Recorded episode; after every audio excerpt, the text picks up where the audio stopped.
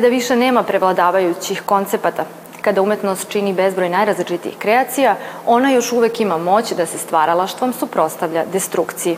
Koliko je ova teza primenljiva na rad jednog strukovnog likovnog udruženja, govorimo na početku nove arterije koju čine sledeći naslovi. Godišnja izložba članova Suluva u ateljeju 61. Projekat Kako nastaju arhive u Muzeju savremene umetnosti Vojvodine. Nagrade za negovanje jezičke kulture uručene u Matici Srpskoj.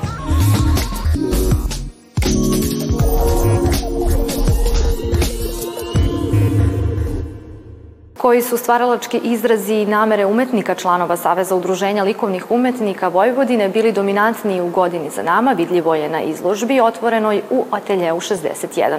Katalog postavke potpisuje likovni kritičar Sava Stepanov, a gost arterije je i predsednik Sulova Goran Despotovski. Dobrodošli u našu emisiju. Hvala vam lepo.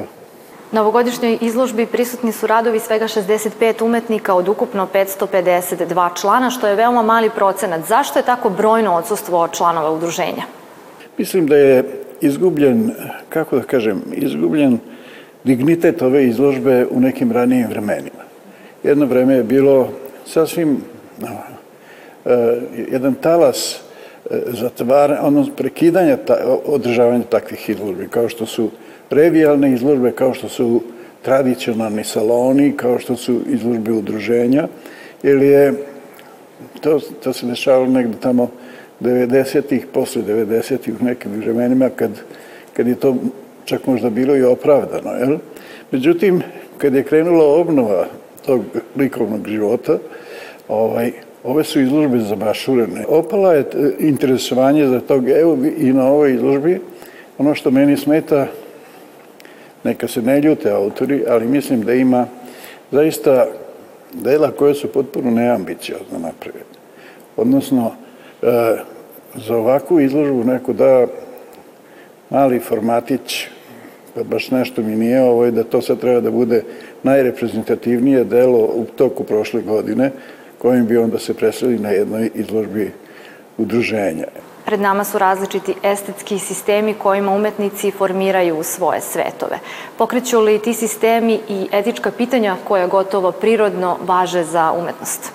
I to je recimo propuštena šansa koju ovi umetni, koji umetnici neizlaganjem čine. Njihova misija je, ako se već bave umetnošću i ako su već članovi udruženja, dakle oni pretenduju da budu aktivni članovi nekog društva, odnosno društva u kojem žive i rade, jer zbog toga postoji udruženje. Jel? Ovaj, propuštaju se šanse. Idealno vreme za delovanje umetnika je upravo u ovom momentu. Oni su potrebni društvu. To ne izgleda tako, ali verujte mi da jeste. Ljudi rado dolaze na otvaranje izložbe, dolaze i posećuju izložbe isto kao što se posećuju i drugi kulturni događaji. Mi u Novom Sadu bar znamo da ima publike za, za tako nešto. Stvarno razloga za brigu imamo. Uloga umetnosti u društvu je da, da bude deo tog društva, da deluje u društvu, da u ovom trenutku, ako ništa drugo, da bude sigurna kuća nekom duhovnom smislu, da bude ohrabrenje, da bude glas, kako da kažem, razuma, da, da nam otvori svest o tome, punu svest o tome šta nam se dešava. Uvek naročito je kroz ovakvu vrstu izložbe, to je jedan pregled uopšte stanja uh, svih onih koji se u toku godine negde kao društvene pojave manifestuju. Samim tim to su aktuelne umetničke dela, aktuelni umetnici, angažovani umetnici u ovom trenutku i svojim delima, svojim radom, kad govorimo o vizualnoj umetnosti, ovde isključivo kroz vizualnu umetnosti, reaguju na takve pojave. Iako institucije kao što je Sulov uslovi nisu mnogo naklonjeni, ona sasvim uspešno radi na afirmaciji svojih članova i same umetnosti. Kakvi pomaci u delovanju udruženja su učinjeni u poslednje vreme?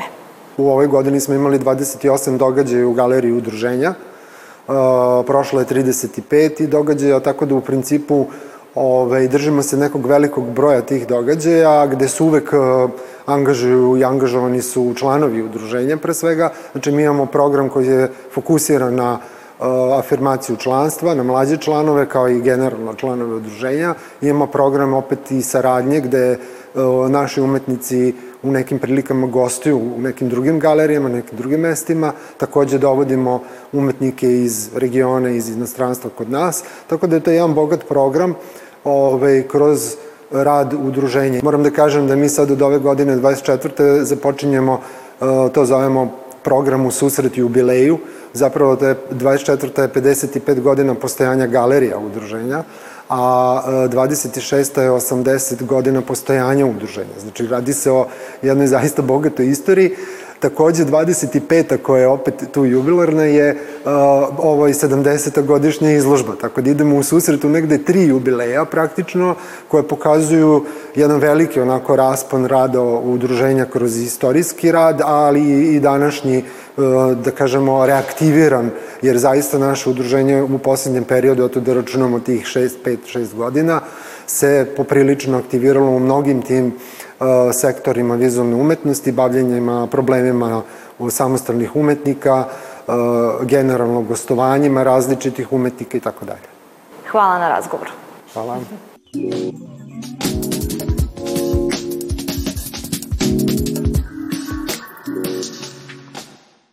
Projekat Kako nastaju arhive pokušaje multimedijalnog centra LED Art da istraži i problematizuje teme sakupljanja, formiranja i pohranjivanja umetničkih arhiva, koje izložbene aktivnosti i razgovori su organizovani u Muzeju savremene umetnosti Vojvodine, otkriva nam koleginica Jelena Jokić.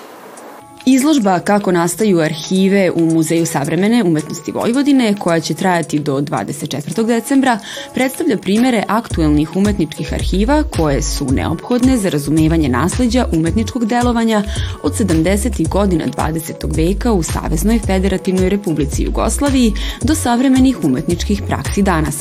Na izložbi je predstavljena arhiva umetničke grupe LED Art od formiranja 1992. godine, internet platforma Ženski muzej, publikacije i fotodokumentacija koju udruženje Rekonekcija poseduje u arhivi, potom časopisi i publikacije Remont nezavisne umetničke asocijacije i beleške koje pojašnjavaju proces digitalizacije sa kojim se Remont susreo tokom prethodnih godina.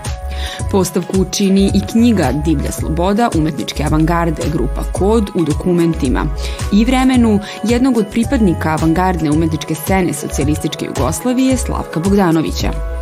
Postavka kako nastaju arhive, nažalost, ne uspeva da obuhvati sve bitne umetničke pojave koje su svojim delovanjem zaslužile da se danas pitamo šta je sa rezultatima njihovog postojanja i rada, ali je jedan od mogućih početaka sistematičnog promišljanja umetničkih arhiva i pokušaja da se njima u budućnosti da mnogo veći značaj.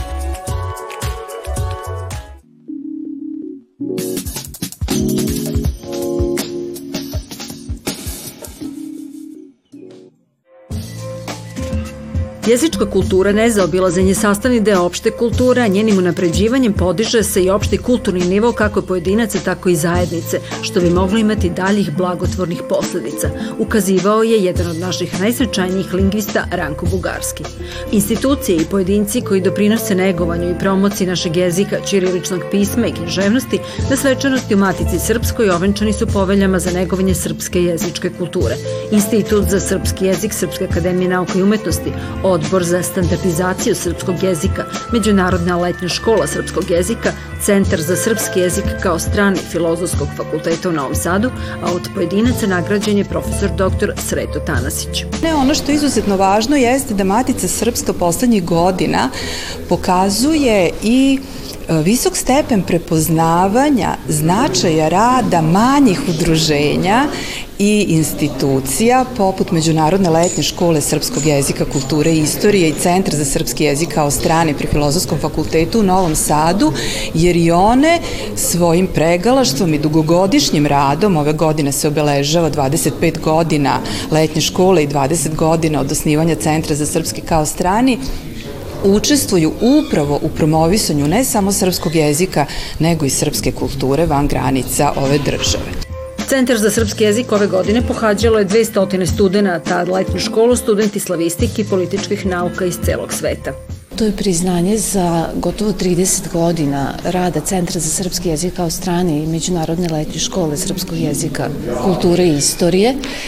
E, To priznanje nam je došlo kao nagrada za jedan zajednički rad i smatram da samo takvim zajedničkim radom možemo da postignemo te uspehe koje smo postizali svih ovih godina. Za negovanje jezika i njegovih izraženih mogućnosti nagrade su posthumno dodeljene akademiku Milovanu Danojliću i Rajku Petrovu Nogu. Matica Srpska povelju dodeljuje 11. godinu i do sada je priznanje dobilo skoro 40 ustanova i pojedinaca iz zemlje i inostranstva.